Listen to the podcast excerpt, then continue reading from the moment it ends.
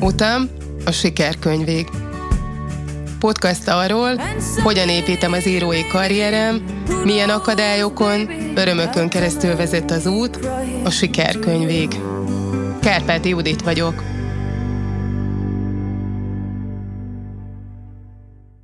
Üdvözlet a hallgatónak! Ez az elmúlt hét egy összvér hét volt, ugyanis egy hosszú hétvége szabta keresztbe, állt a közepén egy ilyen négy napos tömbként, ami azért volt számomra izgalmas, mert az elmúlt egy-két hétben tértem át, valósítottam meg azt, hogy péntekenként már csak a saját pihenésemre fordítok időt, csak a saját társaságomat igyekszem élvezni, gyakorlatilag a négy napos munkahetet valósítom meg, mielőtt még a társadalmi konszenzus meg a gazdaság különböző szereplői erre engedélyt adnának, de hát erre nincs is nagyon szükség, ugyanis én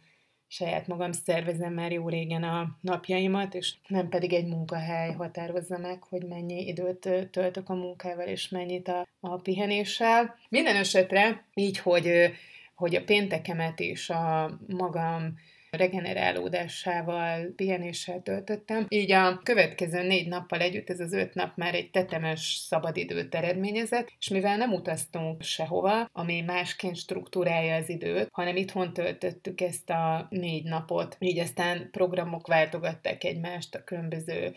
külön vonult szabad időszakokkal. Számomra vasárnap estére már elég lett ebből a kvázi pihenésből, és hétfőn meg kedden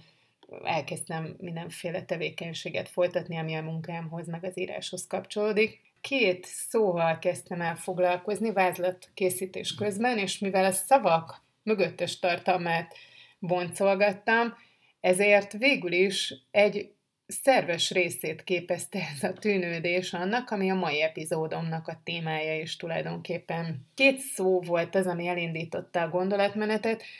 a szabadúszó és a vállalkozó szavak, amiket leírtam a vázlatomban, és menet közben jöttem rá, hogy mennyire idegenek ezek tőlem, bár szoktam használni magamra, de a szabadúszó az azért nem fedi azt, amit én gondolok erről az életformáról, mert egy teljesen más képzettársítás van az én fejemben, tehát ez tényleg csak is az én saját kép, világ, képi világom erről, másnak biztosan teljesen mást fed. Egy hánykolódó,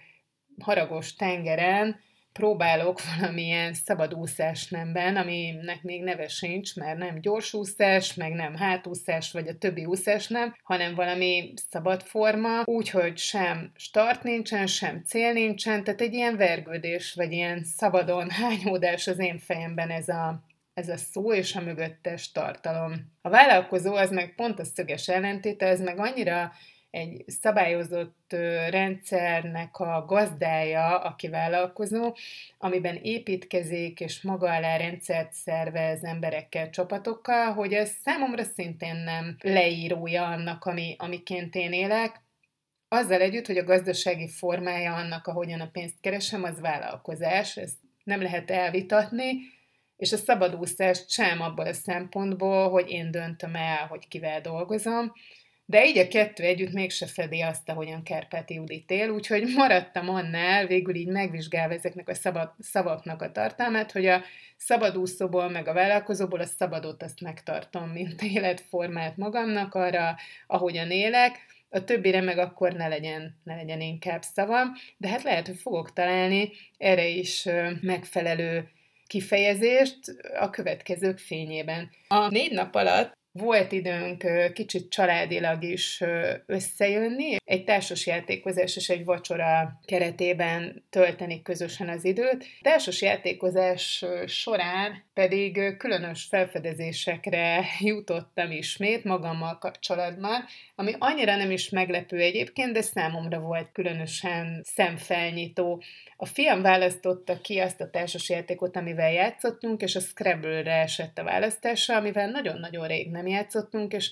tulajdonképpen mindannyian szeretjük. Nem emlékeztem arra, hogy hogy azon túl, hogy szeretem, nekem ebben milyen sikereim voltak, és most sem azért mesélem el, hogy torony magasan megvertem a többieket, mert olyan kompetitív vagyok, egyébként van bennem egy ilyen vonal, ezt elárulhatom, vagy beismerhetem saját magamnak is, hogy szeretek versengeni és nyerni is, hogy meglepő volt az, hogy milyen játszikönnyedséggel vertem tönkre a családomat. Mindezt úgy, hogy nem volt szükségem betűcserére, sem kihagyásra a különböző körök során, tehát gyakorlatilag teljes egészében átláttam, hogyan tudom a meglévő betűimet használni. Egy ilyen társas játékozás ébresztett rá arra, hogy hát olyan terepen próbálok játszani a többiekkel, ami nekem teljesen a munkám és a, és a hivatásom terepe, tehát egyáltalán semmi csodálkozni való nincs, hogy tényleg több száz ponttal nyertem meg ezt a társasjátékozást. Elgondolkodtató volt,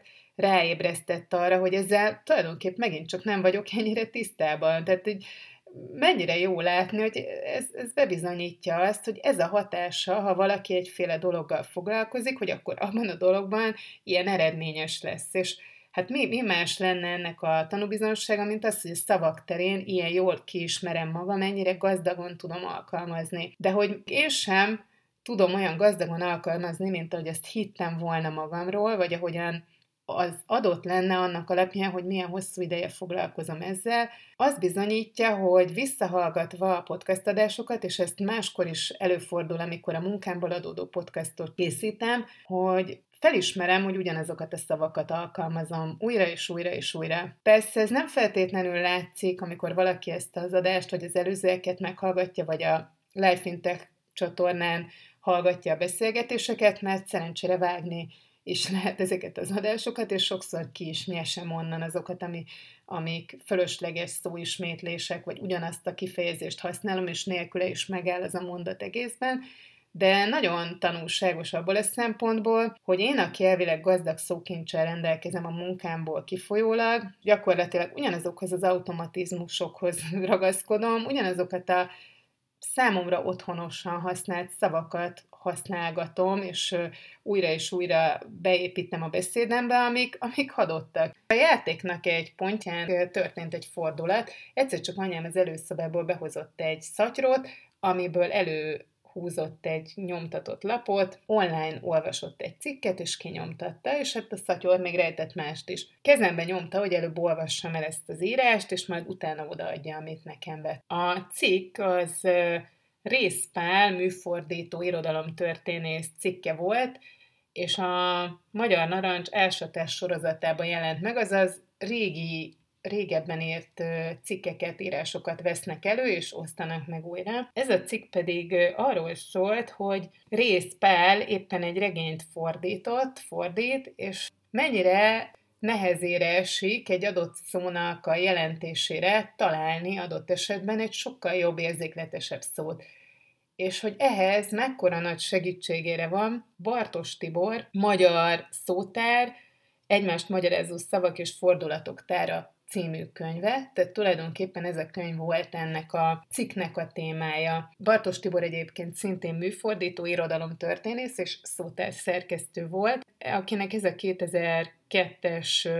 szótára, ez gyakorlatilag egy ilyen hiánypótló alkotás volt. Erről szól a Tovább kell írni az ilyen könyvet című írás, tehát arról szól, hogy azt a könyvet, amiben a szinonimáknak ilyen gyűjteménye van, azt tovább kell írni, és a mi kötelességünk is, hogy ezt folytassuk. Hozzáteszem, hogy Bartos ezt a szótárat ezt úgy írta, hogy rengeteg fordítási munkája írói munkája közepette, amikor rátalált egy-egy új szóra, egy-egy olyan szinonimára, ami egy adott szó mögött állt, akkor ezt lejegyzetelte, és folyamatosan tette ezt a munkát, folyamatosan gyűjtötte különböző tájnyelvből, különböző vidékekről származó szavakat. Anyám az előző epizódok egyikében hallotta, hogy benne is hagytam, ahogy egyébként direkt a podcastban nem vágtam ki ezt a részt, ahol az utam szóra azon, azon méláztam el, hogy kellene találnom további különböző szinonimákat, mert kezd unalmassá válni, hogy, hogy folytonosan ezt a szót emlegetem, és ez neki szöget ütött a fejében. Olvasva ezt a cikket, arra gondolt, hogy meglep engem, megveszi nekem Bartos Tibor magyar szótár. Nem volt ez sem olyan egyszerű, ahogyan én az első epizódban elmeséltem Seje János könyvét, a stresszről szóló könyvét hogyan szereztem meg, úgy végül is anyám is tulajdonképpen ugyanebbe a cipőbe került, mert nem talált ebből a Bartos Tibor magyar szótárából elérhető példány. De hát anyámat sem abból a fából faragták, aki így föladja, ezért fölhívott egy antikváriumot, ahol a hölgyel beszélgetve kiderült, hogy sajnos ezt a könyvet szintén, ahogyan Seje János könyvét sem adták ki újra, hanem 2002-es megjelenése óta az antikvár példányok elérhetők csupán, de jelenleg az sem. A beszélgetés ezen a pontján a nő egy pillanatra elhallgatott, és bár anyám tovább darálta a mondandóját, a Csendre azért még ő is felfigyelt, majd a nő egyszer csak megszólalt, és azt mondta, hogy ő nem árulhatná ezt el, de abban a pillanatban megjelent a rendszerben egy példány ebből a könyvből, úgyhogy mondja is a vonalat, a bookline-on találja meg. Anyám gyorsan lerakta a telefont, és az információtól megrészegülve azonnal a bookline oldalán elkezdett keresgélni, és lám meg is jelent hirtelen ez a két könyv, két kötetből álló könyv, aminek az első része maga az egymást magyarázó szavak és fordulatok tára, a második rész pedig a betűrendes eligazítás. Ez két olyan könyv, amivel az ember levelet présel a gyereknek az óvodába, meg az általános iskola első osztályába, tehát két jelentős terjedelmű könyv. Persze azonnal lecsapott rá, megvette, átvette, és hát így került aztán a szatyrába, amit nekem átadott. Mondanom sem kell, hogy hatalmas meglepetés volt, és tulajdonképpen azt éreztem, hogy az Időkapszula című epizód története ismétlődik meg, illetve nem megismétlődik, hanem kiegészül ott ugyanis a Seje János könyvbe, ha valaki meghallgatja egy időkapszulaként, egy üzenet volt rejtve egy ismeretlen által. Ez a könyv pedig gyakorlatilag megint csak olyan regényes módon került a, a látóterébe anyámnak, és aztán az én asztalomra, hogy legyen elég szavam arra, hogy utam, meg minden egyébre, amit szeretek a saját szókészletem kényelme szerint alkalmazni. Miért tartom ezt nagyon izgalmasnak ezt a históriát, meg ezt az egészet, ahogyan így lezajlott, azért, mert rettentő fontos dolognak gondolom azt, hogy választékosan fejezze ki magát az, aki ír, vagy aki beszél, de akár a hétköznapi ember is a hétköznapi helyzetei során. Gyakran ér az a vált, hogy nagyon elítélő vagyok, meg szigorú vagyok, meg elutasító a nyelvnek azokkal az újdonságaival, amik a mai nap kerülnek bele, amik manapság gazdagít gazdagítják, mert gazdagítják, hiszen minden egyes új szóval gazdagodik ez a Bartos Tibor által megért magyar szótár, és rész Pálnak van igaza, hogy tovább is kell írni az ilyen könyvet. Ami az én véleményem mégis erről, hogy nem a slang ellen vagyok, nem a mai új szavak ellen vagyok, hanem az, ami számomra fájó, meg amit kifogásolok, és amit igyekszem a saját munkámban kerülni, sőt, ennek az ellenkezőjét megvalósítani, hogy ugyanazokat a szavakat használjuk folyton, és olyan kötőszavakkal próbáljunk, meg olyan egyféle szókincsel próbáljunk leírni érzéseket, változatos gondolatokat, amik megragadtak, ugyanabban a Matrixban mozognak. Amikor hallok beszélni másokat, mondjuk egy másik podcastot, akkor nagyon zavaró szokott lenni számomra, például annak a szónak a használata, hogy így. Minden második szó két-három másodpercenként bukkan föl ez, és nem a a szónak a feleslegessége az egyetlen probléma ezzel, hanem az, hogy gyakorlatilag meg sem próbálunk mást használni helyette, hanem ennek a sekély folyónak a mentén próbálunk valami mélységet megmutatni ami lehetetlen. Én azt gondolom, lehetetlen mélységeket mutatni, hogyha nincsen változatos színe a beszédnek, és ezt annyira fontosnak gondolom, hogy akár ezt a teljes epizódot ennek szánom, azzal együtt, hogy persze kérdezhetné a kedves hallgató, hogy akkor miért de most ezen a héten a haladás, mit csinált az útján a sikerkönyv felé, ami valami jelentős. Szerintem ez egy igen fontos pont az utamon, az ösvényemen, ezen a mesdjén, amin haladok, hogy magamat is folyamatosan önvizsgálatra késztessem abba, hogyha azt használom nagyon gyakran, hogy érdekes, mondjuk a beszéd során, egy ilyen podcast során, akkor jegyzeteljek ki magamnak erre négy-öt másik kifejezést, és tegyem gyakorlattá, hogy azokat használom, nem pedig ugyanazt az egy szót, mert az érdekesnek még annyi árnyalata van, ami egy-egy helyzetre sokkal jobban illik, hogy miért is ne használnám, és miért kellene a hallgatót arra ítélnem, hogy ugyanazokat a szavakat hallja a füle, mintha valakit egy utazás során arra akarnánk kényszeríteni, hogy bár elutazott valahova, és ott rettentő sok izgalmas dolog van, ő mégiscsak ugyanazon az egy ablakon nézhet ki, és szavak úgy gondolom, hogy erre valók, hogy minél gazdagabban írja le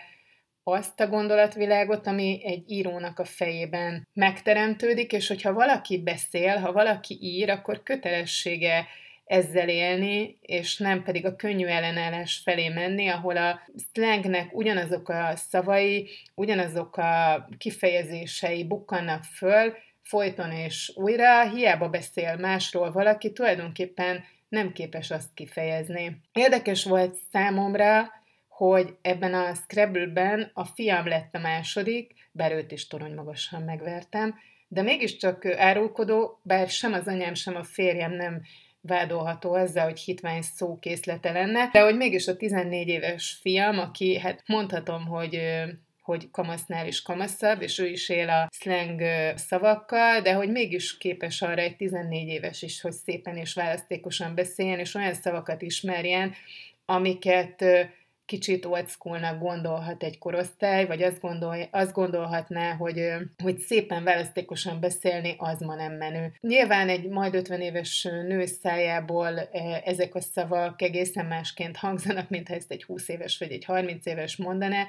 az ő korosztályuknak a sajátos szókészletének is megvan a létjogosultsága, ahogyan talán ők sem használják feltétlenül azokat a szavakat, amiket én, én sem azokat, amiket ők, de annak a lehetősége, vagy hogy választékosan beszéljünk, az minden korosztály számára adott és rendelkezésre és azt gondolom, hogy amíg én itt beszélni fogok, és amíg az írói karrieremet a szavak által is egyengedtem, addig én ezt, ezt mindig is gyakorolni fogom, és ha ezzel tudok hatással lenni, ha ez segít, ha ez ad esetleg egy-egy plusz szinonimát valakinek, akkor akkor ez, ezáltal juttatok el valami fajta értéket, amit én értéknek gondolok a többiek felé, még ha ezzel nem is vagyok olyan népszerű, vagy hogyha nem is a többséget képviselem feltétlenül ezzel a ezzel a gondolkodásommal. Az előzőekben már szokását tettem, hogy egy-egy írásomat felolvasom a adott epizód végén, most is kiválasztottam egyet. Valamiért megtetszett egy egészen rövid írás, amiben szerepelt a november szó, és gondoltam, ha már november harmadikát, negyedikét,